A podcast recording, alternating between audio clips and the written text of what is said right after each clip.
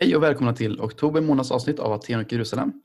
Även känd som Mellansveriges stökigaste frikyrkliga intervjupodcast. Jag heter Simon Axelsson och har som vanligt med mig Anton Jonsson. Hej och välkomna säger också jag. Ska vi redan så här i början nu när vi har allas uppmärksamhet, vill du säga någonting ytterligare om vad som händer i Linköping om bara ett par veckor? Va? Ja, den 10 november så börjar det. Den eh, stora lördagseventet för dig som älskar fred och icke-våld och Jesus. Och eller avskyr fred, icke-våld och Jesus och vill häckla alla de som älskar fred, icke-våld och Jesus. Det är alltså fredsfest. Från klockan 10 på morgonen till klockan 9 på kvällen ish så är det eh, aktiviteter med föredrag, det är seminarium, det är icke-våldsträning, det är allting det som är göttigt här i livet. Okej, okay, inte allting som är göttigt i livet, men liksom allting som är göttigt i den här äh, sfären av livet eh, på ett enda tillfälle. Det är Fredrik Lignell kommer dit, pastor i Ryttargårdskyrkan, eh, äh, som också var med två gånger i den här podden. Det kommer också kommer en person som också kommer är Josh Armfield som berättar om en resa från amerikansk soldat till icke-våldskommunitetare. Och eh, Elisabeth Armfield kommer också från samma kommuniteten Senapskornet. Det kommer Elin Lundell, det kommer lite allt möjligt bra folk. Du borde vara där. Du borde gå in på fredsfest.se. Du borde skriva ett, ett sånt här backslash och så trycka in anmälan och eller så, det är lättare om du bara trycker dig fram från fredsfest.se och så sen trycker du på anmälan och sen skriver du in dig på anmälan och sen så är du med. Du kommer bli lycklig. Fredsfest wants you. Mm. Alltså, eller vän av ordning, är väl, det är väl vanligt slash, det är inte backslash? Ah, ja. Ah, men nej, nej, det är vanligt slash. Framåt mm. slash. ja, ja, det där är ni ut. Det där kan nu vid det här laget. Ja, ja, ja. Om det inte funkar så gå in bara på fredstjänst.se, tryck på anmälan. Välkomna. Den här månaden har vi haft den stora äran och glädjen att mm. tala med eh, ingen mindre än Nakisha Alanya Alexis. Ja. Jajebus. Men eh, eh, kan du presentera henne lite kort, Anton? Min uppgift att presentera? Ja. Eh, ja, men hon är ju en aktivist kan man säga. Hon, hon finns över i staterna, i Elkhart, Indiana. Indiana? Indiana. och där jobbar hon på Anabaptist Mennonite Biblical Seminary. hon jobbar där mycket med liksom, mot, eh, mot olika former av förtryck och så. Hon är också aktiv, en av de här grundarna av ett nätverk som heter Jesus Radicals som man kan kolla in på intranätet. Eh, ett, ett spännande initiativ som har varit igång nu ganska många år. Det vi pratar om här det är ju liksom hur hon ser en kedja av förtryck kanske man kan säga mellan hur vi tänker på djur och hur vi tänker på kvinnor och hur vi tänker på svarta. Kan man säga. Det är kortfattat det vi kommer prata om och röra oss om här. Hur hänger det här upp undrar du? Ja, det, det, det är någonting som jag måste säga också att jag var lite så här äh, ovetande om. Så att det här var äh, spännande för mig och väldigt eh, tankeväckande. Eller vad säger du Simon? Ja, det var det, var det verkligen. Och exakt vad som var tankeväckande, det kommer vi till sen i vårt eftersnack. Men det var också väldigt, också väldigt roligt. Eh, vi hann ju prata några minuter i början. Mm. Eh, hon inleder ju starkt liksom med att eh, ganska kraftigt roasta våra, eh, båda våra hem. ja, för att Simon, eh, när jag tittar på honom i detta nu, så det enda man ser är en vit, kal, steril vägg och en HV71-tröja som hänger på väggen. Liksom så, här, så att, då tyckte hon, det tyckte hon kändes lite så här, men lite, lite, vad ska man säga, sanitarium kanske, känsla på det hela. Ja, det var typ det hon sa, tror jag. Ja, och, och, att min vägg var ju också vit då i bakgrunden och det syntes inte så mycket. Eh, så att hon tyckte också att vi hade liksom... Men det är ju den svenska hade, stilen. Hon, hon, hon hade inte så mycket till övers för den här skandinaviska minimalismen. Ja, precis. Hon tyckte att det kändes som att vi bodde i någon sorts hem för lungsjuka, eventuellt sinnessjuka. det är jättefin tröja jag har på väggen. Ja, men alltså, om man, om man bortser från vilket lag det är så är det en jättefin tröja. Så det är ju det är helt klart så. Nej, så det var roligt. Det var en stark start på det här samtalet. Har, har du någon sån här liten mikrospaning du skulle vilja dela med oss eh, idag, Simon? Eller så? En mikrospaning? En mikrospaning? Jag vet inte. Har jag, har jag nämnt någonting? Nej, jag vet inte. Jag tänkte bara att det vore kul att testa om man, har, om man kan göra en hisspitch-idé. Liksom, på, så någonting som man har tänkt på. Så på 30 sekunder så kan man, kan man ge en liten, en liten tanke till våra lyssnare. Ja, jag vet inte. Vi kan ju se om det här är någonting. En sak som eh, jag bara snappat upp i förbifarten senaste veckan. Det är ju att det kommer att i eh, veckan här i Örebro, tror jag, jag tror det är kring allhelgona, så kommer det anordnas ett eh, lopp här i stan där, eh, som heter Zombie Run. Ja! Ja, och, det, och så vitt jag förstått det så är det grejen att man typ klär ut sig till typ zombies och grejer eh, och gör ett lopp runt stan. Därav namnet Zombie Run. Eh, det, är, det finns... Ja, det här är en grej som händer ibland men, och, men det är också med samma säkerhet som att vi alldeles strax kommer komma in i hela liksom, den här årliga Eh, typ Lucia-debatten eller någonting. Att det, men det finns alltid eh, några människor som kommer, reagerar väldigt starkt på den här grejen och tycker att det är, är förkastligt och ber att eh, kyrkorna på något sätt ska reagera mot det här.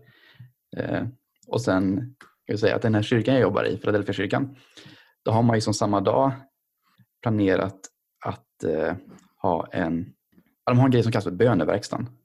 Och, de skulle, och just den här torsdagen då så skulle de, eller har de planerat att gå ut på stan mm. och betjäna på lite olika sätt. Och, som en del av den här den terminslånga grejen då, böneverkstan. Och så är det en del som hört av sig om att var åh, så bra att eh, kyrkan sätter ner foten mot sånt här förkastligt. Och, men de själva var lite, lite förvånade. Bara, vad, vad, vad pratar ni om? Ja, här, och så var det tydligen om det här hade man sett att det här var tydligen någon slags, skulle vara någon slags motdrag gentemot eh, det här Zombie Run. Då. Just det. Och så har man fått, egentligen bara fått förklara att bara, nej, det här det har vi inte alls tänkt på utan det här är en grej vi gör. Och jag tänker att det finns något, eh, något, något kärnfullt i det där. Istället, att, att istället för att gå runt ah, och eh, uppröra sig över sådana saker man själv inte gillar och be att folk ska göra olika protester och grejer mot det man kan ju bara göra det som man har gjort här egentligen. Att man, att, man, att man låter kyrkan bara ha sitt eget liv och i det visa på något annat. Men jag tycker, jag tycker att det blir lite fånigt om man ska kräva att man ska gå ut och typ demonstrera mot sådana saker som man inte gillar på något vis. Bara, nej men, då tycker jag det är långt bättre att bara så här. Klä inte ute till zombies. Klä inte ute till zombies. men bara, men bara strunta i det. Bara låt, det, det är väl lite sån här Resident Aliens-grej, tänker jag på att man, man fokuserar mer på att, eh, på att eh, vara kyrka, fokuserar mer på att göra de här sakerna som kyrkan alltid har gjort. På, eh, och så kommer liksom allt det här andra som man inte kanske är så glad i. Men det kommer liksom bara falla bort på något vis. Får, får, jag, får jag också flika in en sak? Du nämnde ju en superrolig detalj. Var det inte lite så att SVT ville intervjua eh, föreståndaren i Philadelphia kyrkan, alltså Ellen Hemström, eh, för att de trodde då att det här var någon sorts motaktion liksom, mot eh, Zombie Run. Ja, precis. De ska ha ringt och varit väldigt intresserade av att göra en grej av det. Liksom. Uh. Jag vet inte, nu, nu kanske jag liksom motverkar det här. Eller motverkar i kanske bara, bara, liksom, bara skita i det här nu bara. Det är kanske dumt att namnge grejer hit och dit, så där, vad som har hänt och inte. Men, men ja, det var i alla fall en grej som hände. Ja, men det var ju, eh, det var ju skojigt ändå. Ja, jag tycker det var skojigt. Och ja. det, det, är så lätt att hitta liksom problem överallt och det är så lätt att se statements i saker som bara är vad det är. Bara är, bara är saker. Ja. ja. Ja, du ser, det fanns visst något att tala om ändå. Ja. Det, det trodde jag inte. Men, men. men eh, med de orden så går vi rast vidare till vårt samtal med Nikisha, Alina Alexis. Håll till godo.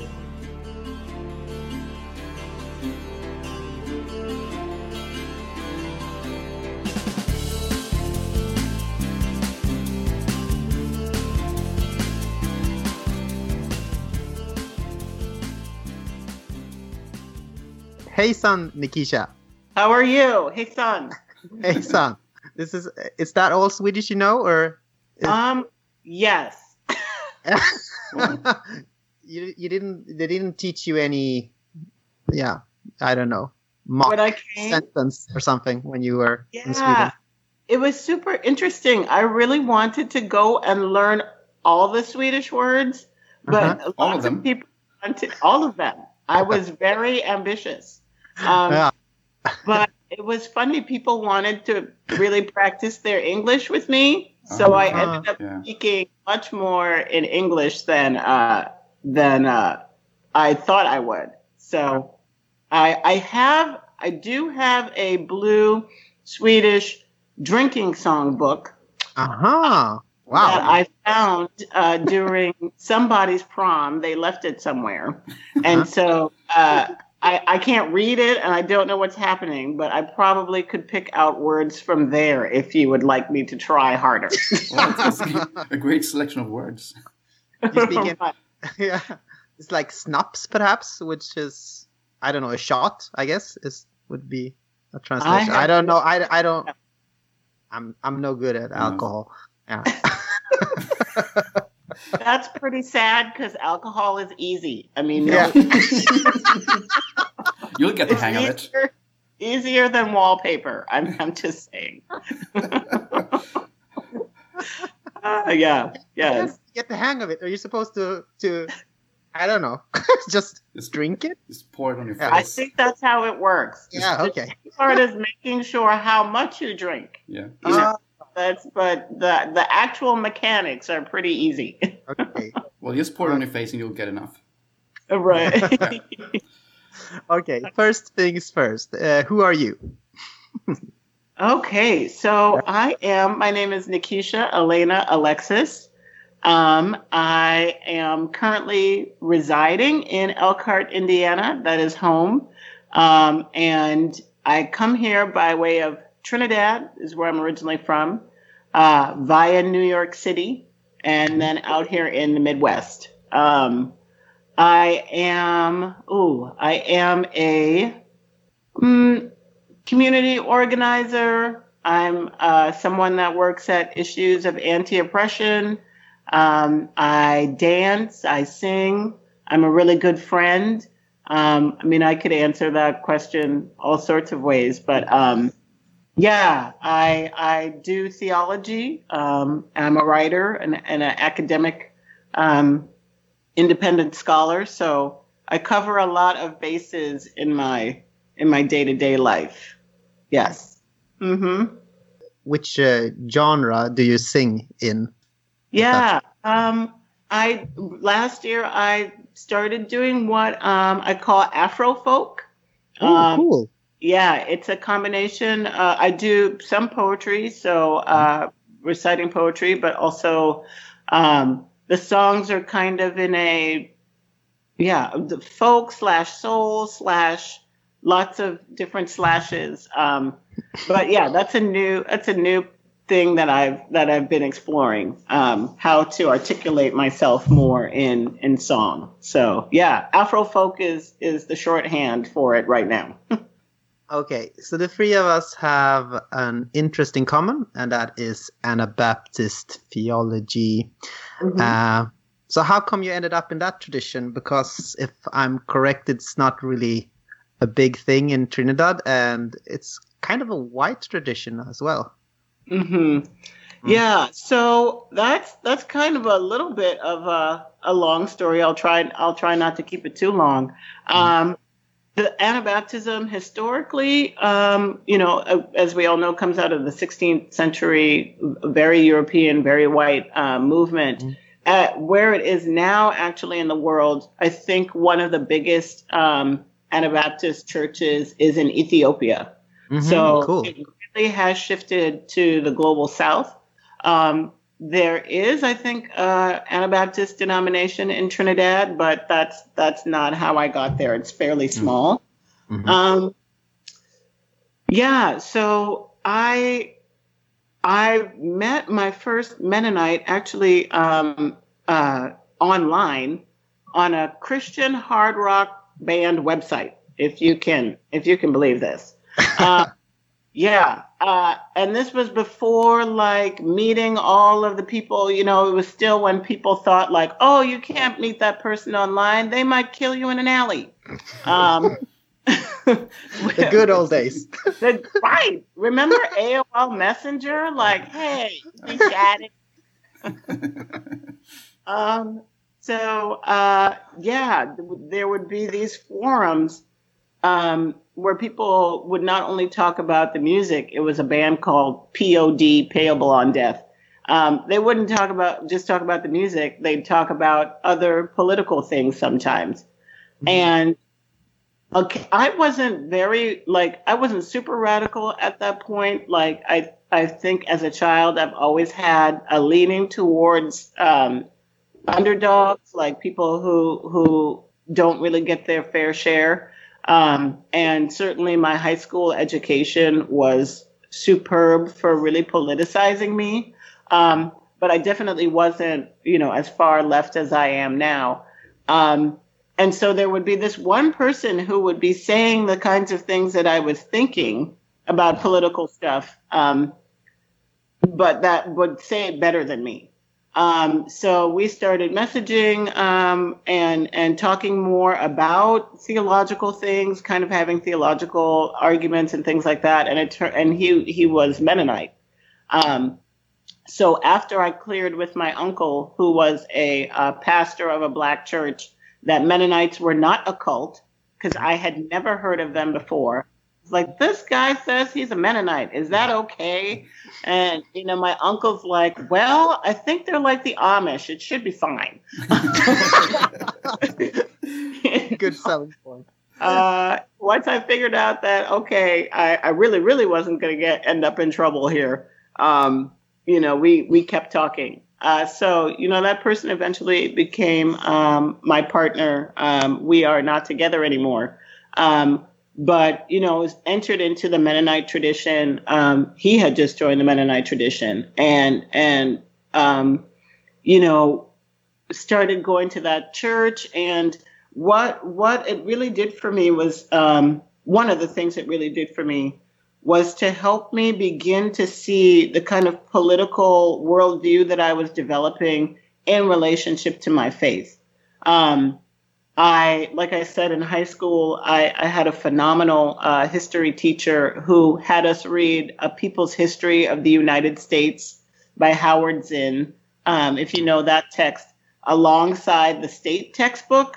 So, you know, we were reading this sort of radical um, um, book, but in comparison with what the the standard kind of story was. Um, so things like that had already really awakened my mind to issues of racism, issues of injustice. Um, I went to college for uh, to New York University for a degree um, and got my degree in Africana Studies as a minor.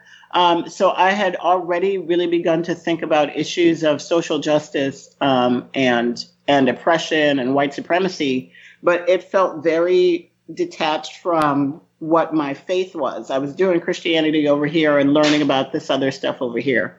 Um, so, I mean, to kind of bring it around, like Anabaptism and and joining the Mennonite Church, uh, Manhattan Mennonite in New York City, really was a place where I began to see that, like, no, actually, peace, nonviolence, all of these issues, resisting war, they they they're not just um, nice things, but they're integral to how we think about what it means to be Christian, what it means to follow Jesus in the world.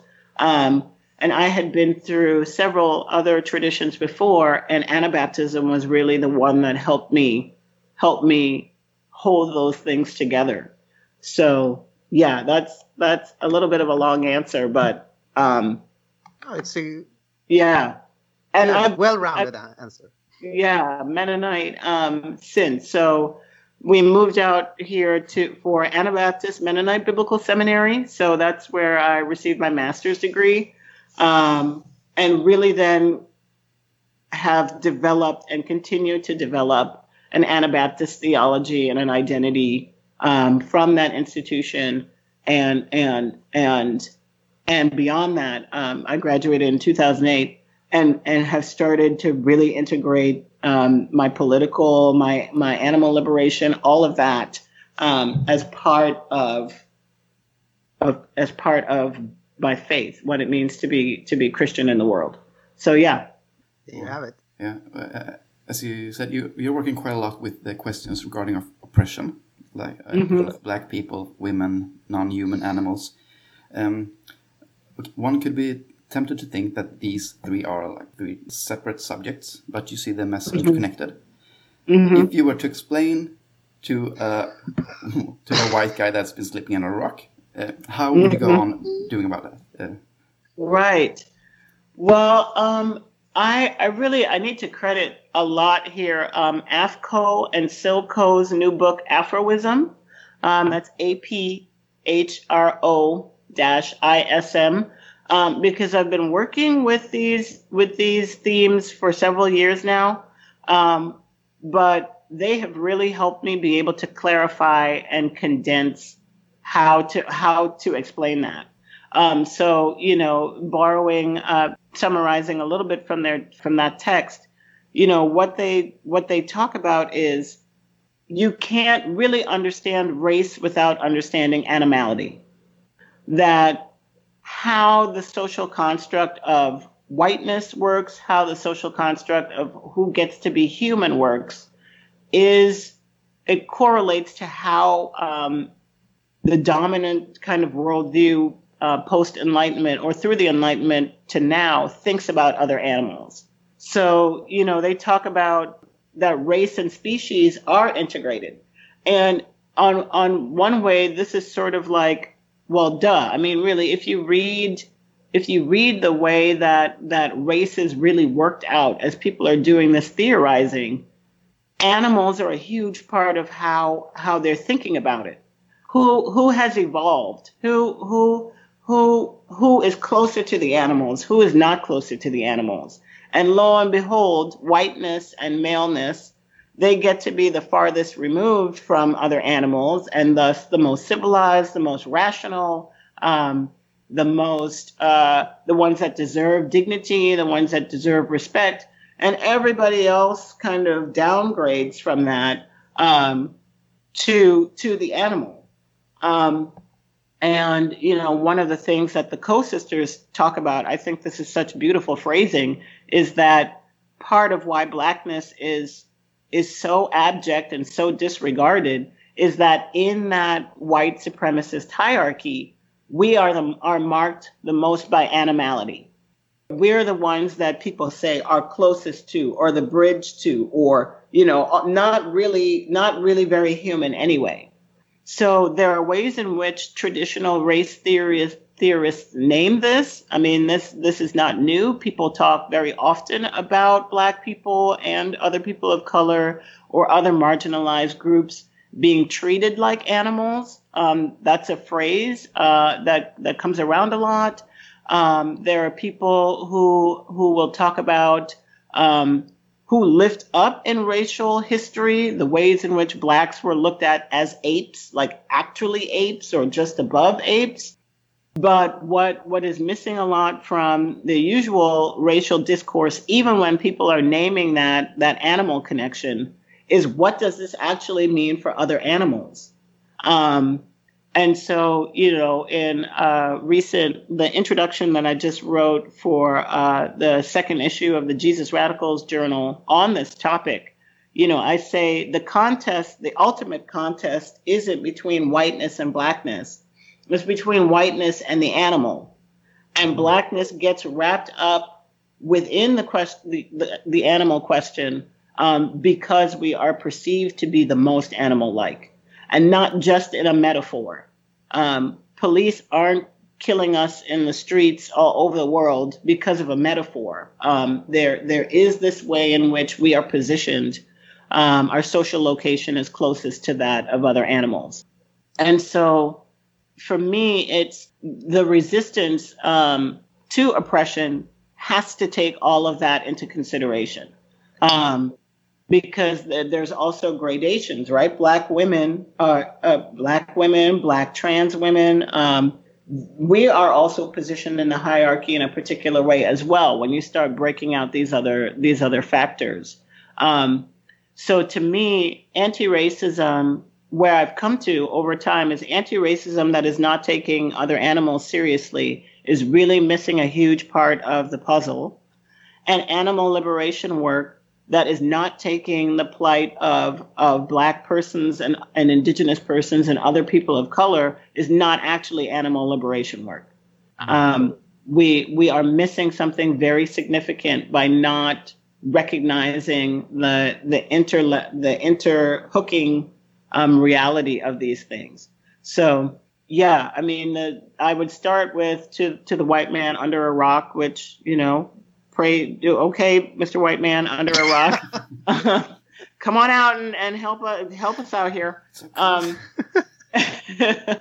uh, you know, I'd say really race and species, race and animality, um, they co-define one another. So that's why it's important to to as anti-racist and animal liberationist and uh, resistors of oppression, you have to pay attention to these things simultaneously. So I was watching this uh, documentary not the other day, uh, maybe the other year or something like that. That's why I can't remember the title. Uh, and uh, this guy was trying to persuade a court to grant chimpanzees some sort of like recognition of their personhood. Mm-hmm. And uh, he was comparing the situation of chimpanzees to uh, captivity in in in slavery. Uh, mm-hmm. But he ran up against uh, uh, some opposition from black rights advocates, and it seems like they found that the comparison seemed to reinforce the connection of black people to the subhuman or that mm-hmm. more animal-like. Uh, mm-hmm. so, so, what's your thought on that? Uh, well, what's your take on that? Yeah, um, so yeah, I could say I could say a lot about this. Um, on on one hand, I understand why people want to go there, right? Um, there's there or want to go there in a particular way, and I'll clarify. Um, there there are ways in which pointing to these other atrocities, what people are trying to do, because folks also do this with the Holocaust. You know, they they do this with these other massive things. Mm. They're they're really trying to have this shorthand way of saying this is bad, we will regret it. Um, we are all animals. We are all the same. Um, and so that that's kind of uh, I think that's the motivation wh- why people make really passive references to to things like slavery. Mm. Um, there is a relationship between um, what what has happened in slavery and in these other in these other uh, atrocity situations, but it's we're we're looking at the wrong connection, if you will. Um, and uh, early on in my work too, I mean, again, I understand it because early on in my work as well, I was leaning in that very comparative um, way of approaching it. This is like that, and so both thing, both of these things are bad. Um, but you know, it, as as my work has developed and I've I've you grow as a scholar, you know, I totally understand why people reject that way of doing the comparison. Um, and you know, again, it's not because I don't believe that there are conversations to be had about race and animality and white supremacy. Um, but it's offensive because there's a nuance that's really missing um, that people need to actually pay attention to in order to communicate the problem well. Um, and especially if you want to communicate it to people who continue to be oppressed um, and continue to be treated like animals. The, these subtleties really, really matter. Um, so one of the things, uh, and you know, others, uh, the Ko sisters and other people talk about this as well, is that we're focusing really on the suffering of bodies and trying to make the case there, right? So we're saying this: the cow is suffering. She has her children stolen from her. Black women suffered in slavery. They had their children stolen from them. This is the same. Um, and, you know, to me, it really dismisses actually the the particular and peculiar suffering that other animals might be experiencing, mm-hmm. um, some of which is similar to us, and others of it which might be way more extreme. Um, I can't I can't imagine. You know, as a human being, there's some ways that we can rationalize. Um, as a Christian, I, I there are things that I can do, pray, et cetera, et cetera, to understand um, and have a framework for the kind of suffering that I'm going through, right? There are ways, of, like as humans, we can understand the systems around us and and make some choices about how we engage suffering. I don't know what it's like um, to be another species hmm. trapped in a system that you don't even have really words for. It's not a system that you would create. It's not a system that that that is is natural to you. And from the very time that you are born to the time you are dispatched, the, what are the handles that you would have for explaining that to oneself or others in your community? And if you think about other animals having heightened senses of smell or heightened senses of hearing or all of this other stuff, right? Like, I think we need to honor that there are ways in which other animals suffer that are similar to ours, but that also are are distinct and unique. So just collapsing it, I think, really doesn't actually speak to the animal question. Um, and I also think that really it doesn't speak to the question of of of what Black people and other people of color are enduring. Um, you know, so one of the things that I've been talking, the way that I'm trying to frame what the distinction and the tragedy is, um, it's like, okay, yes, we're all biological animals.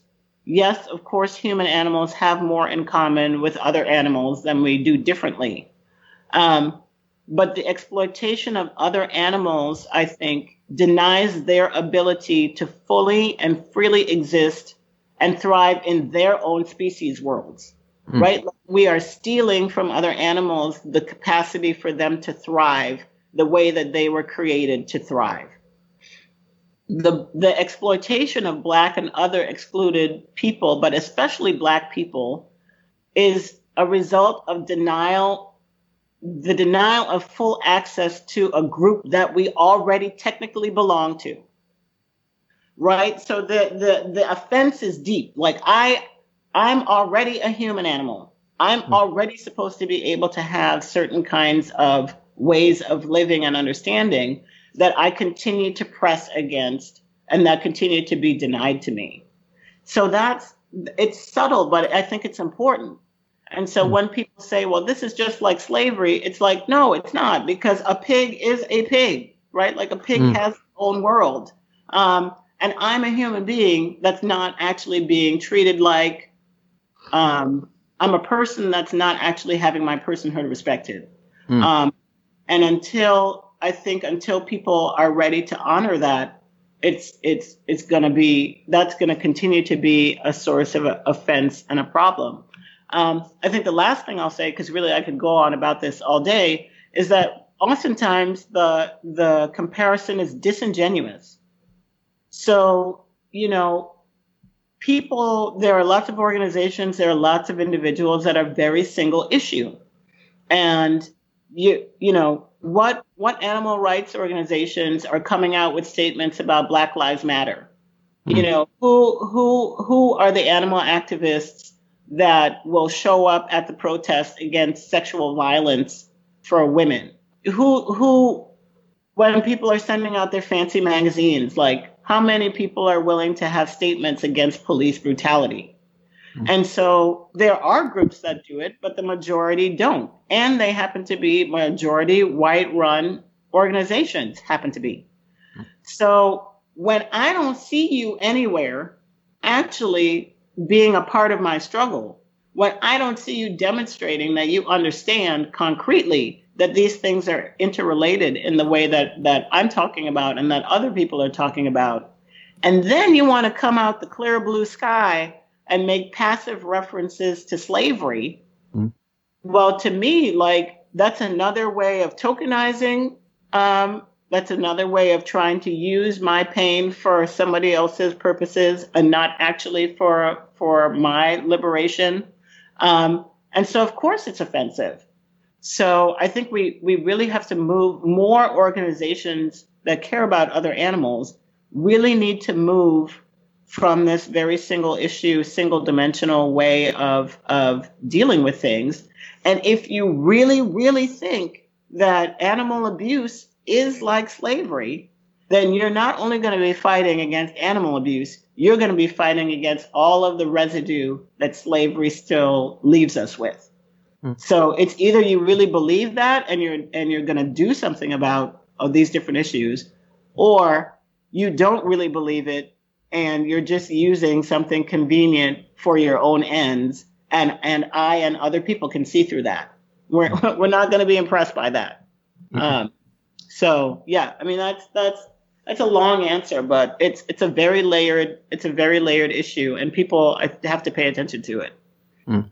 Our next question is yeah, it's really connected to this, and maybe you already already touched this, but it's been said when we elevate non-human animals, we run, we run the risk of uh, debasing humans to mere animals, and thereby mm. risk to increase in cruelty. Well, would you say mm -hmm. there's mm-hmm. any truth in that line of thinking? Or? Yeah, um, I mean, I think it really depends on one's worldview. Like, I don't, I don't anymore have a competitive, a competitive, a competitive spirit around other animals.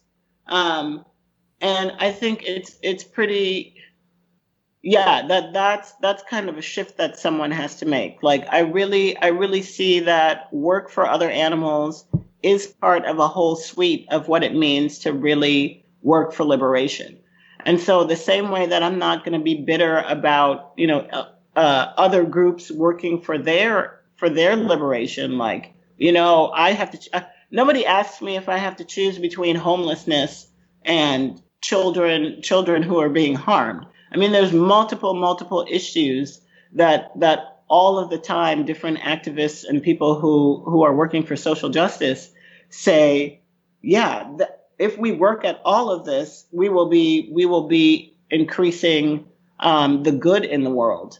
Um, so I I definitely I, I think it comes out of a very um, competitive kind of and speciesist kind of framework to say, well, you know, if you're working working with other animals or trying to elevate them, that that necessarily means that other people have to have to come down or be or be denigrated. Um, I I like the idea of working across differences.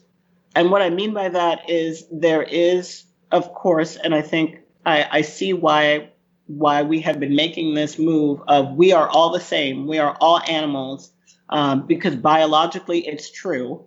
Um, and it is a way of trying to interrupt this false binary, this false separation between humans and other animals. But I would also say that even if other animals weren't the same as me, even if I didn't have a biological connection, like it's it's worth stopping heinousness wherever it is. mm. You know, I don't know. Maybe that's too simple, but like, I want a world where like violence is logic is is made logical. I don't I don't want a world where somebody else just because they're different from me or when they're the same as me gets to be mistreated and abused and killed. Um, so yeah, I I really I'm not that insecure about my position in the in the in the world that I think that helping some some other group that helping some other species that helping helping some other human group that that is suffering is going to jeopardize my being in the world. Mm. Uh, it's a very fragile. I mean, people think that they're protecting something like, "Whoa, we gotta we gotta keep this we've got to keep this separation. Like, what what happens to me if if I have to admit that like 99% of my DNA is the same as a chimpanzee? Like, whoa, I can't do that. It's a very fragile way of being in the world. Um, so yeah. A, a connection would be uh, also, I think, in in nation states that uh, we tend to have this discussion in Sweden that if we let asylum seekers in, that will necessarily mean that right. our elderly people will will suffer or something like that eh, along right. those lines. Yeah, it's mm-hmm. also very fragile. Yeah, the fragile construction of of the nation state, I guess. Uh, right, be. right. Yeah. Instead of like maybe there will be more people who can help us think better about how to assist elderly folks, mm. or you know, uh, maybe elderly folks will have more places to volunteer, right? Like it's it's just this weird it's I think it's it's out of this framework of competition. Like we have these frameworks of competition that that um, the only way that my freedom is going to come is, or the only way that my well-being is going to come is that it has to come from the expense of someone else. Um, and you know of course that fits within the domination and the capitalist paradigm that we that we have but you know if we're thinking more of this uh, in an interconnected way or in a webbed way or in a collaborative way in a cooperative way why why wouldn't it be better if everybody is doing well and you know i think to also say that really i think some of the ways our societies are organized we do penalize. That's how we keep people from coming together, right? So in the time of in the time of slavery, it was really useful to divide the white indentured servants from the slaves, right? There are ways in which the system is set up to punish different groups or or create the sense of competition. Mm-hmm. Um, uh, there's not enough goodness, there's not enough resources to go around. So you all have to shit on each other um, while we're we're happily up here doing our own thing. So you know, I think the work of animal liberation too, and these uh, paying attention to these other forms of oppression, is is also a resistance to that to that paradigm, to saying that we all can't have as many of us as possible can't live life abundantly um, hmm. yeah. Mm. Well, well, are there any resources for animal liberation in the, in the Christian tradition?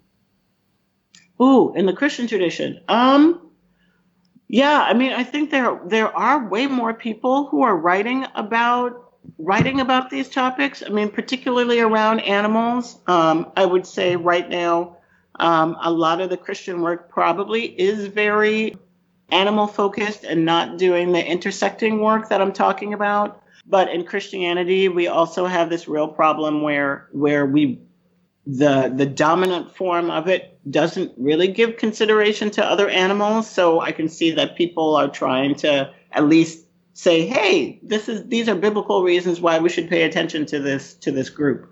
Um, uh, and hopefully the work will the work will continue to to evolve and expand. Carol Adams, a lot of people don't know that she's Christian. Um, so she's very well known for the sexual politics of meat, um, for some of these other really fantastic books. Uh, she's been super in- influential to me. Um, so she's Christian and works with works with these issues. Um, Sarah Withrow King, um, she has a book called Vegangelical.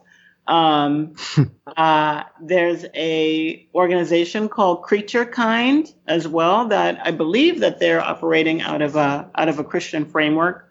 Um, David Clough, C L O U G H. He actually has a systematic theology that he's working on around other animals. So it's, I believe, on animals one and two. Um, but yeah, there have been people doing uh, Richard Richard Bauckham. Um, he's a biblical scholar. Um, uh, Celia Deane-Drummond. Um, she she has a book on creaturely theology. So it's been superb to really see um, more and more Christians writing about doing really like interesting, solid um, biblical work and theological work around other animals. And and when you when you get into it, it's almost like duh. Hello. the Bible has animals all day long and not just in situations of sacrifice. Um, uh, yeah, God, God talks to other animals. Um, other animals have relationships to God beyond what humans do or don't do. Uh, we don't take Jesus seriously as the Lamb of God. Like, you know, I, I find it super interesting that we talk about Jesus taking our place on the cross. At least that's one theological framework. And actually, no, like Jesus is subbing in for doves. Mm. Jesus subbing subbing in for sheep. Um, if if we're taking that theology seriously, Jesus the the position on the cross is the position of the animal on the altar. It's it's not me um, mm. or us necessarily. Um, and when when Jesus does that, you know, the book of Hebrews talks about it's finished. Like we don't have to do this anymore. There's no reason to try to commune with God, to worship through animal sacrifice. And so we don't talk about salvation as actually also being for other animals. Like literally, because of Jesus, we don't have to kill other creatures in order to get to God. So I mean, there's there's there's lots of of interesting ways of working with the tradition and working with with um, traditional ways of thinking about things that elevates the animal that's already a part of the equation, if you will. Um, so yeah, I'm I've I've been excited by what what is also coming out theologically and the different people that are doing that work. Mm. So, so you also suggested that we tend to miss something when we read the Gospel of John uh, that tells us the Word became flesh. Right. Mm-hmm. What what are we missing out on? yeah. So um, uh, Andy Alexis-Baker, uh, he he has done a lot of work on this, and other scholars have too. So I'm I'm definitely um, leaning on some of that work there. Um, but that flesh really is one of the widest categories. So, really, the same way that people used to focus on the fact that Jesus became a man, right? So, Jesus became a man. That means that uh, men are only allowed to have certain certain roles. Um, somehow, that privileges men within the Christian space. Jesus became a man. Um, and what feminists and womanists and other people really cracked open is like, no, Jesus became human. So let's let's stop with this very narrow um, um, thing here, this gender designation, and celebrate the humanness of Jesus. And that opens up then the ability to to think about how all humans, all Homo sapiens, uh, to use the Ko sisters uh, word usage of that word, um, they they all get to participate equally within the work of Jesus. Okay, well, if we broaden that out and really take seriously that the word became flesh, then flesh is not just a human designation. Flesh belongs to all mammals. Flesh belongs to fish. Um, flesh belongs to this very wide um, category of beings that gets reconciled to God within Jesus's work. Um, and so I think that that's one of the, that's one of the many ways that that the issue of other animals gets to be taken seriously within the within the Christian tradition. Um, that it's it's not just humanness that matters. Jesus, like all humans, share with other flesh the, the of being in the world, right? Like mm. blood and and tears and and body. Um, and so then all bodies get to matter. Um, so that's I think that's there are some there are some very clear theological things that we have we have um, made anthropocentric that really aren't.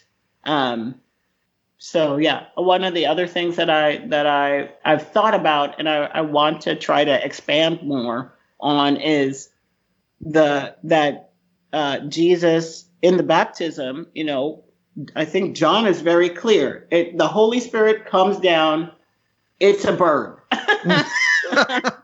you know, right? Like uh, John John doesn't he doesn't talk about it as it like. There's no like, well, almost sort of look like. No, John is like, Holy Spirit, bird. We've got God speaking. We've got flesh coming out of the water. We've got bird making the triune sort of situation here. And so I talk about that like, why don't we talk about that incarnation of God? It's very brief, but all four gospels work with it. And if it is the case that the divine has room for another type of animal, then if if if we're serious about Jesus' incarnation, then why why aren't we as serious as about this other incarnation that is kind of the culminating moment of saying who Jesus is in the world? This is not just some ordinary dude. So yeah, I mean there I think there's there's sometimes people think like, oh, if you're gonna be vegan or you're gonna care about other animals, you gotta do all of this work out here um, to try and, you know, uh, crunch it into the biblical the biblical tradition. But i think the tradition is super rich. We just haven't paid attention to what's there um, because it's not convenient for our hamburgers. Mm. um, you know when you when you want to have a certain practice it's very easy to read to read the bible in a particular way that that keeps it going. And i i understand the biblical text is conflicted but we don't treat it like it's conflicted. We sort of treat it like the Bible says one thing about other animals, and we we don't take seriously all of this other all of this other invitation to consider animals in a different way. Hmm. Cool. I mean, I mean, uh, do you all eat hamburgers? I just I just lobbed that one there, and I'm like, oops. no, that's okay. That's okay. We, had, we can. T- I had a taco, so I'm in the clear. Oh, no. Yeah. I'm not. That was a bean taco friend. I'm going to pray that whatever you ate rebels in your stomach, that you will have a revelation from the bird that we call the Holy Ghost, and you just stop eating. I'm kidding. No, I, mean, no, I, I, can, I can already feel it. yeah, right. Yeah. I mean, I'm, I'm, I'm kind of kidding, but not really. yeah, okay. one other, one other interpretation that we haven't considered yet is that. Yeah those who are to be received into the priesthood would be males and doves because of uh, the incarnations. Mm. Yeah. Uh-huh. that would change church. hey, don't forget your don't leave your dogs at home. Come on down, everybody.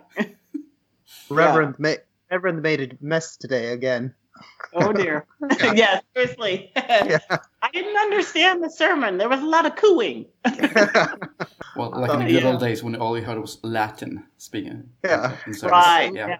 Yes. Yes. Yeah, well, it would certainly make speaking in tongues like totally another thing. it's like, yeah. How does that sound like? It's like, uh, ooh. Oh, does something like that? No, I don't know. I, I can't read it. Yeah, I'm gonna speak in that tongue next time I go to worship.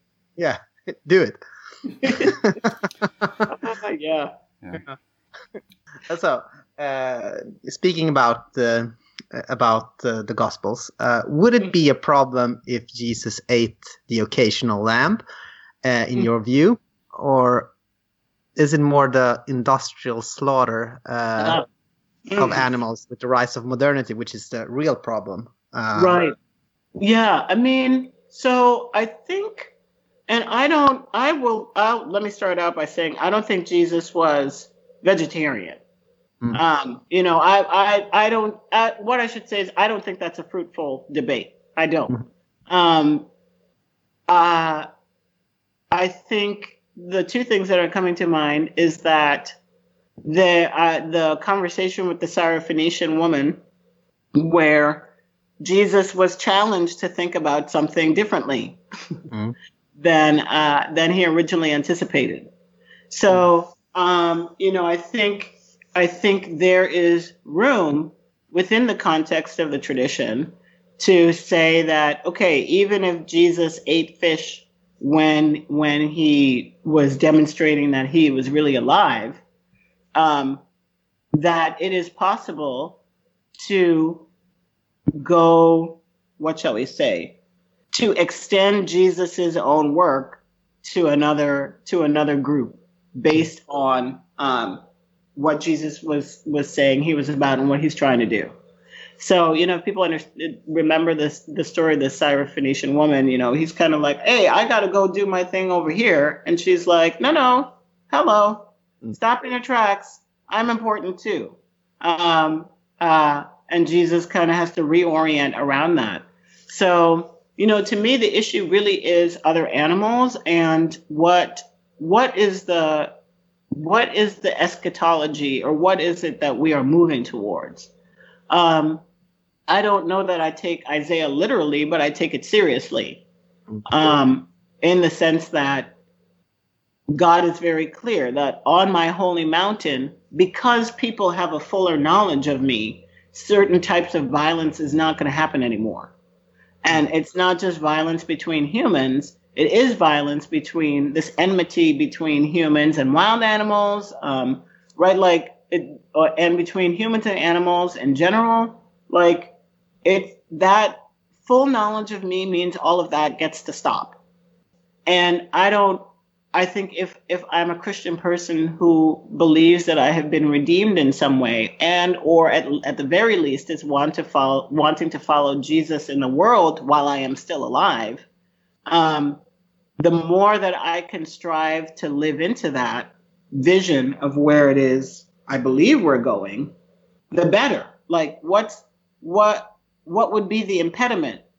Oh, you know, I know I can do better and I know I can reflect more fully where God wants the world to go, but I'm just not going to because, you know, what I I like cheese. I mean, okay, that's that's powerful. I get it. Cheese is addictive, but you know, I don't. To me, that's not enough of an impediment to be like, okay, if this, if a nonviolent world, if a world that has justice is where I want to be going. If a if a world where uh, we don't kill unnecessarily, if at all, possibly, is where I want to go, then I, I want to try to live that out. I want to try to live that out in every area of my life that I can.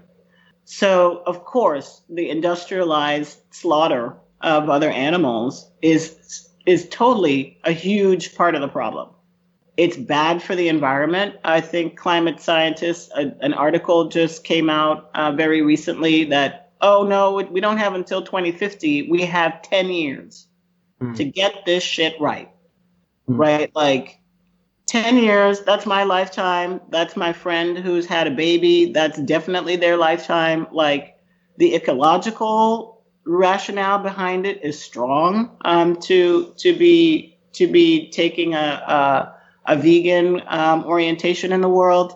Um, the the heinousness of the situation for workers um, in a U.S. context, it's primarily people of color that do that labor. They seek out folks who are undocumented, um, refugees, people who are vulnerable, and they're the ones that are doing the dirtiest slaughter work and being mistreated while they're at it.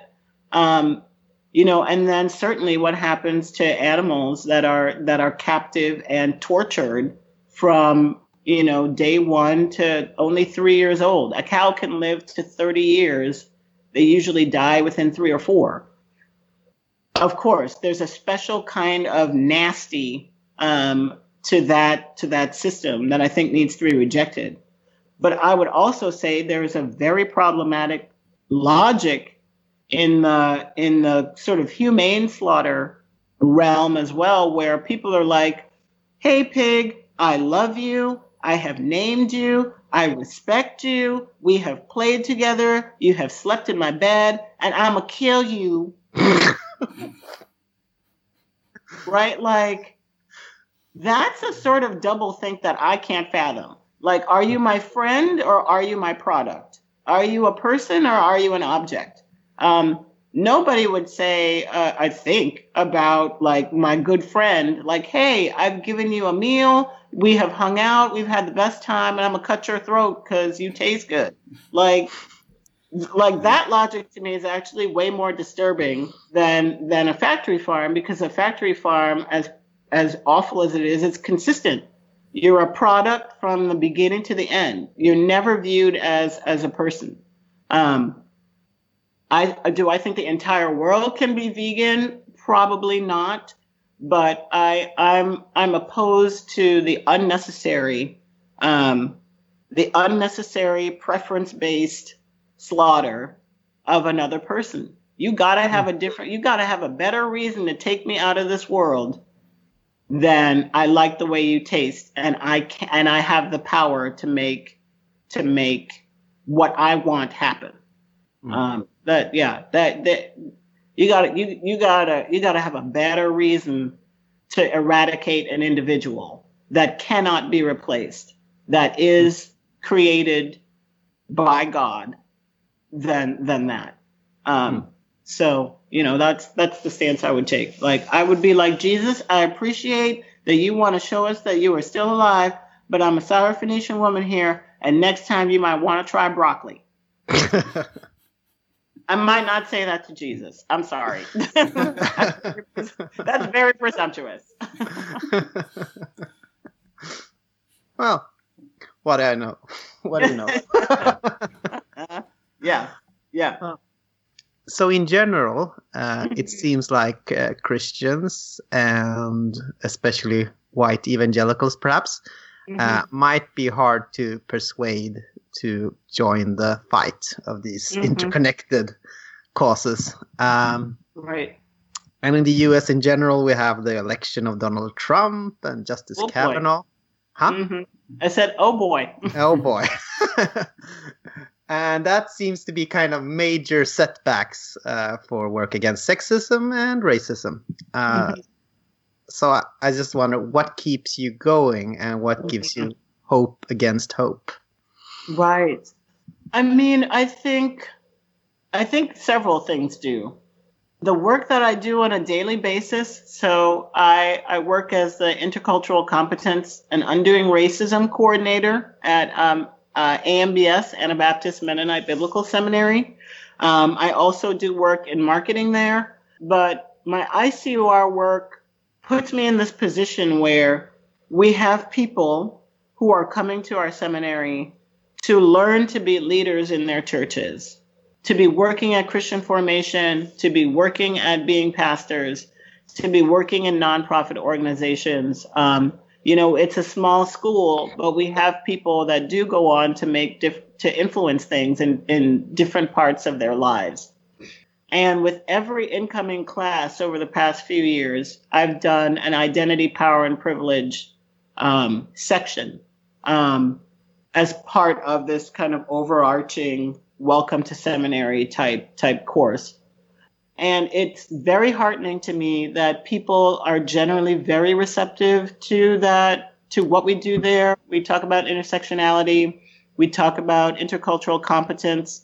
I have not yet managed to do more animal stuff there, but um, had a reading this year on on animality and race. Um, and people, I I feel like feel the impact of that, and it's part of then of how they think we get them started thinking about that at the front end of their seminary experience. And these are people who are going to go to have influence with with their church and their families et cetera et cetera. And so that that is one of the spaces i feel really heartened that that i'm having a very clear and direct impact on people who whose whose mission really is to be having clear and direct impact on other people's lives. Um, so that's that's a huge source of hope. Um, I I happen to have fantastic friends um, who are in their own ways like trying to live in alternative in alternative forms in the world. Um, and so it helps to have a community of people that, yeah, like is sane um, and trying to, trying to, yeah, that is equally concerned um, uh, about some of the things that I'm concerned about. I'm the only vegan in the group, but they take me seriously so yeah, having having good people to be around is very sustaining. To have fun, right? Like I sing hmm. karaoke.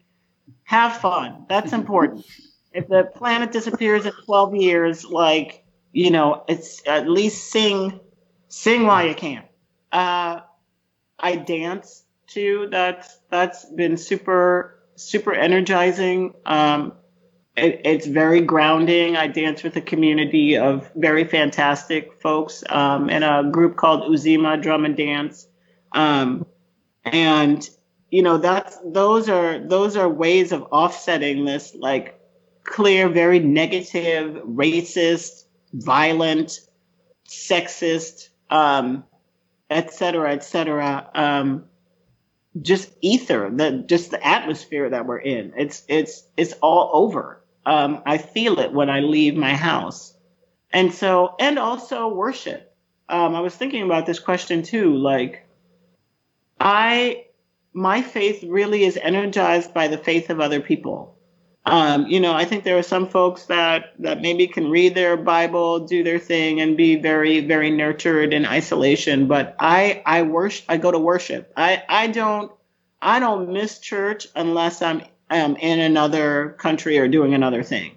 Mm. Um, and to be with people many times who have bigger struggles than I have you know, I'm a I'm a black woman in the U.S., but I'm a black woman who's educated. I'm a black woman who's heterosexual. I'm a black woman who, you know, with within the within certain things does have some flexibility within this heinous system that we have going on. Um, and to see other other black folks who are struggling with economic issues, other black folks who are, um, yeah, feeling the weight of of this scenario in a in a different way that I am, celebrate every week what God is doing in their life. Like God's provision, God's sustenance, as simple as God woke him up this morning. I I that that is so encouraging at helping me to reframe um reframe how I engage what is around me. Um, and it helps me be connected to like who and what I'm fighting for. Like a lot of the spaces that I'm in are very white spaces. The seminary is a very white space, even though we have a very strong international community that that is is growing over the years. Um, yeah, like I I need to be connected to like uh, the community organizing work that I do it helps me stay connected to what it is and why it is I'm fighting. I can't, you know, I tell people when the election happened and people were depressed and all this stuff. The next day I wore orange and red and put a flower in my hair. I, can't, I can't afford. You all might be able to to be paralyzed and depressed about it, but that's a death sentence. Like, and I'm not I I need to keep myself encouraged and uplifted and and to remember what it is and why it is I'm doing what I'm doing. Um, and that and that helps me retain hope. Um, it really isn't an option for me to check out and be and be so overwhelmed that I become ineffectual. And that's not to say that I don't have vulnerabilities. That's not to say I don't cry. That's not to say I don't get incredibly discouraged um, with even the little things. Like Trump is is one of the big, but even on a local level, like you can just feel the toxicity. There are crazy people in power making decisions that don't make any sense at all, um, and that impact people's daily lives. Like I, I have had more than one occasion where I'm like, ooh, if I could just be somebody who just didn't care about this stuff and get through life willy nilly, I guess that would be that that could be pleasant, but I'm not that kind of person. Um, so th- there's a combination of self care. There's a combination of being within within the communities that are sustaining for me and doing the kinds of things that encourage my spirit. And you know, I really, I really believe that I'm tr- I'm I'm doing my best to be faithful, and that's that's really important too. Um, so yeah, that's that's that's what's coming to mind in terms of what keeps me going. I don't. I in some ways like I don't really have a choice. I, was. I mean, I about, do, yeah. but yeah. Mm-hmm. It seems to. Uh, I mean, in the in the Christian tradition, uh, in the mon- monastic tradition, there's a lot of like warning, kind of stern warnings against despair Uh, mm-hmm, uh, mm-hmm, so I was thinking mm-hmm. about that when you were talking. You know, it's not an option if you're right. Yeah. If yeah. You, if you really want to follow Christ. Yeah. I mean, I have good, I have good bounce back. That's what I tell people. I'm like, I don't know how to stay down. it's like, what? Y'all are gonna close my community center? Like, oh, I'm, I'm hurt. What? I'm back. I mean, I'll lay down for a few minutes. I'm gonna cry about it. I'm gonna be mad about it. Oh no, there's more work to do. Um, so you know, and I mean, I I definitely I don't I don't want to be shaming of people who yeah do struggle with with depression and do struggle with with issues that make it hard to keep um, pushing.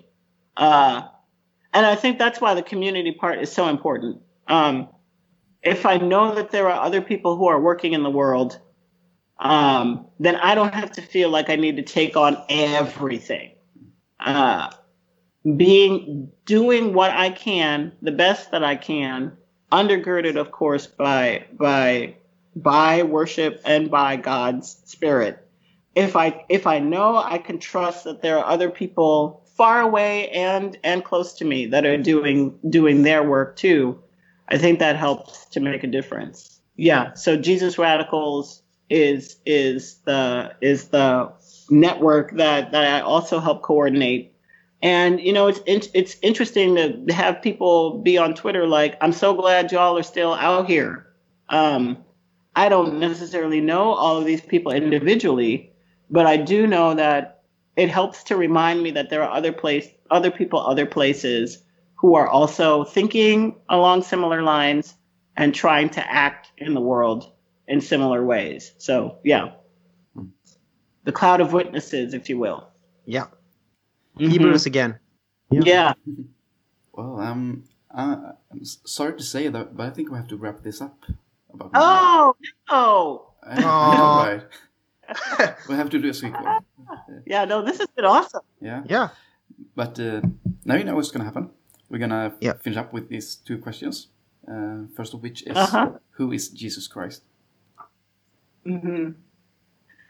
Um, Jesus Christ, the unique, distinct offspring of God, um, who shows us, shows those who choose to follow him, um, how to be in the world. So I think that's I think that's what I would say. Um, who saves us from ourselves in all of the ways that one can think about that. yeah, I think that's what I'd say right now. That's my that's gonna be my short answer. Good. Good one. Good one. And, and who do you think we should interview for this podcast? Fair enough. Yeah. Um. I so one of the groups that came to mind is uh, Cases Rebelles C A S E S R E B E L L E S. Um, fantastic anarchist folks um, working on issues of racial justice, of resisting police brutality in France. Um, they're yeah, they're they're a small team doing some really fascinating and interesting stuff. Um, and mm, let's see, let's see, let's see, who else? Uh, I want to say Carol Adams, um, one of the people that I mentioned before, who's who's just doing fantastic work on on other animals, and yeah, can really also drive home some other reasons why it's important to take them seriously. Mm, I think I think that's what I got so far. I didn't scroll down and pay attention to that question as, as much as I as much as I should have. So yeah, I could also send you some recommendations. Cool. Yeah. Feel free to. Uh, well, this has been a real pleasure talking to you, and uh, thank you so much for sitting up, sitting down with us and talking to us for quite a bit. I, have enjoyed it immensely. Yeah. Great. Thank you. I I'm well. thank you. I uh, yeah, I appreciate the invitation. Thanks for reaching out. Um, and yeah, I I love it. I like talking to people who who share political and faith perspectives from different places. So I always it always feels really good to to have those discussions. Great. Well, we hope to welcome back to Sweden. Yeah, uh, yeah, I know. You should well, come to yeah, you should come to Linköping because you know it's it's pretty okay. it's pretty okay. that bearable. was the like worst selling job ever. Uh, but, you should just hire me to some town. Yeah. but it, there's not a lot of things to say. It's it's a it's a town, uh-huh. and uh-huh. oh yeah, and there's uh, not so great things about it as well. We make uh, we make uh, uh military aircrafts here. Oh yeah. Oh wow! Yeah. yeah. Are you all getting arrested every week then? no, just talking That's to the, okay. secu- you have the security personnel. Yeah. yeah. Every, oh my gosh. Now So, so there's so much wildness in the world. Help, Lord. yeah, sure is. Yep. Well, okay. Thank you so much. I hope to hear from you yeah. sometime again. Um, yeah, let me know when it gets posted, and um, thank you. I appreciate it. I will. Uh, will let you know. Well, goodbye then. Bye. Bye. Bye.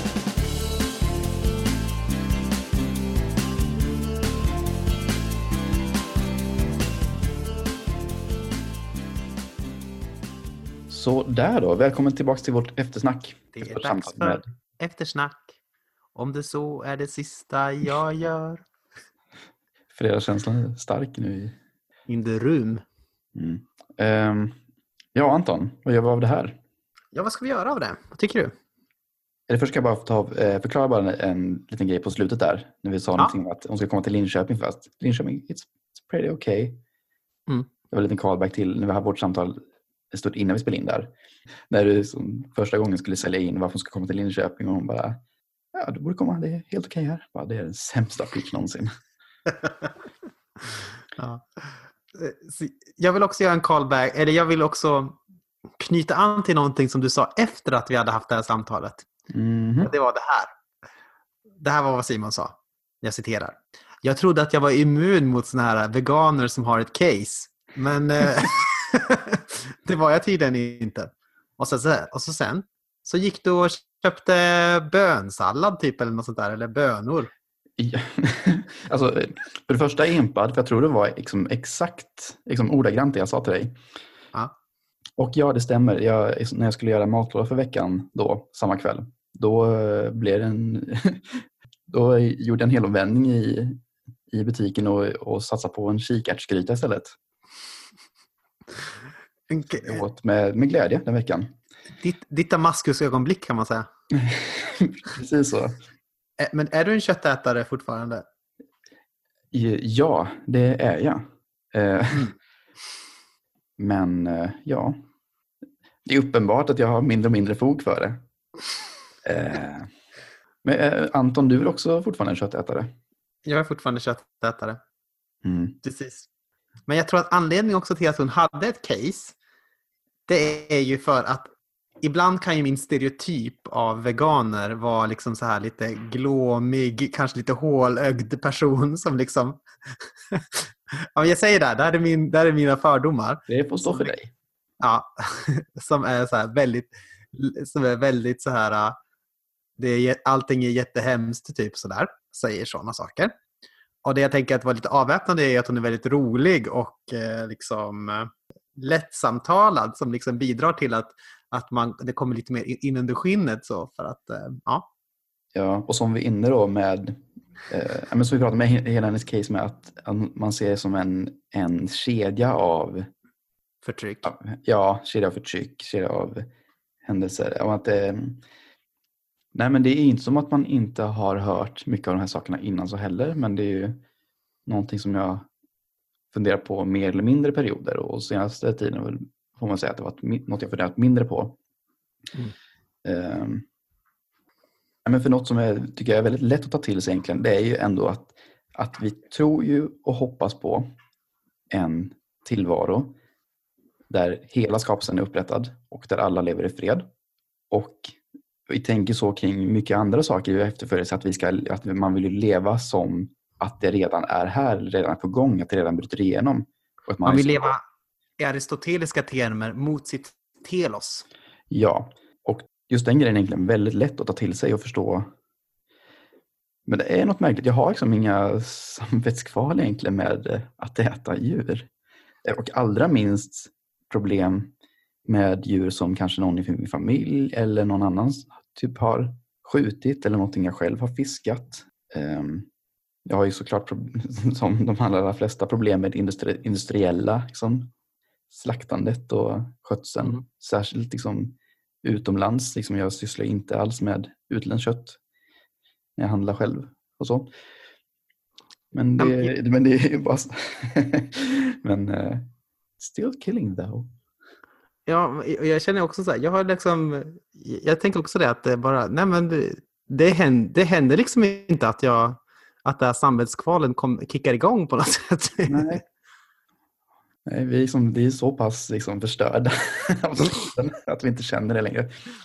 Och liksom, vi har liksom haft någon slags också vag idé om att eh, om inklusion då gentemot andra människor då egentligen. Inte med djuren i åtanke egentligen, men att, eh, att eh, det här med att ha speciella eh, liksom, regler eller tankar kring mat, liksom att det kan bli ett hinder typ att möta andra typ eller att eh, mm. man vill vara, jag vet inte, tycker mest bara jobbig vara osmidig.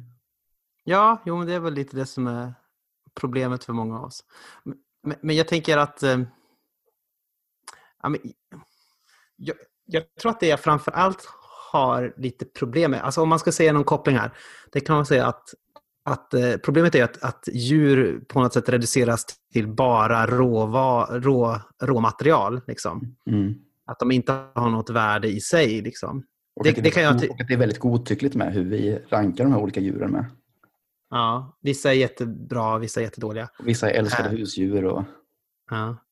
Det, det, är ett problem när de bara är en sorts uh, råvara som vi egentligen kan göra vad vi vill med. och så där. Och Det är ju problemet som vi har egentligen gentemot allt skapat. Att vi har reducerat allting som inte är mänskligt till ren råvara som vi kan göra vad vi vill med. och så mm.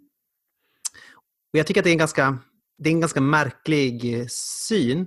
Jag, jag, läst nu, jag har haft dagens ETC av lite olika anledningar i tre dagar. Mm. Eh, som är en tidning, en vänstergrön tidning. Då skulle de visa liksom på, förkast, på hur förkastligt manlighetsidealet är och så citerar man från första Mosebok där, lägg skapelsen under dig, ja, du vet den här i första Mosebok 1, mm. eller vad det nu är. Mm.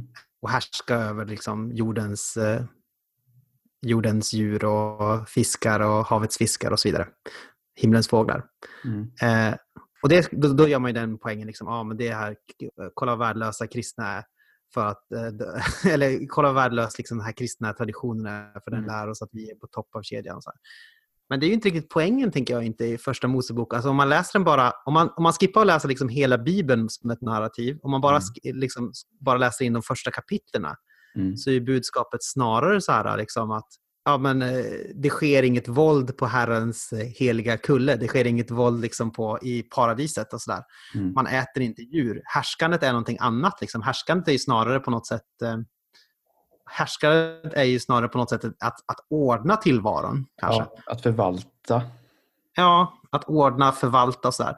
Och det, är ju, det där håller i sig egentligen. Eh, och det är först efter efter floden som vi får det här med utgjutandet av, av djurblod, att det blir någonting som Gud lite motvilligt eh, går med på. och så där. Det sker efter att människan har liksom börjat döda varandra. Mm. uh, och jag vet inte, min poäng här om jag, det är ju att det här med att, att djurlivet verkar ha ett värde om man kollar på lagen. Mm. Och lagen, den är, ju, den är ju känd för att många av oss tycker att oh, det är så mycket djurslaktande och sådär, onödigt, massor med blod och sådär. Men, men poängen i den, om man läser till exempel tredje Mosebok, det är ju att du, eh, Gud säger, i tredje Mosebok 17 säger Gud, ni får inte slakta ute på de öppna fälten, era boskap som ni brukar göra.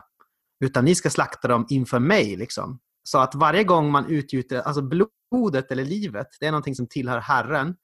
Och Det är ingenting som man liksom bara lite lättvindigt kan göra för att man är lite sugen på käk. Utan om du vill äta käk, då måste du på något sätt, eh, då måste du på något sätt erkänna inför Herren nu att jag tar det här livet och att eh, jag ger tillbaka det här livet till dig. Och så där. Det kan man tycka är problematiskt, men det är i alla fall lite så tankegången verkar vara. Också när man jagar djur ute i skogen så ska man också göra vissa saker med blodet. Liksom så här. Så det här, och blodet är ju, symboliserar ju livet i Bibeln. Så det, eh, det är därför Jehovas vittnen inte tar emot blodtransfusioner. Mm. alltså att det, det, verkar ha någon sorts egenvärde. Man kan inte göra liksom vad man vill med det här utan det här har ett värde liksom bortom, eh, bortom vad vi tänker. Det är inte bara en råvara utan det här är, det här är ett liv som man får som man ska handskas med på ett visst sätt. Liksom så.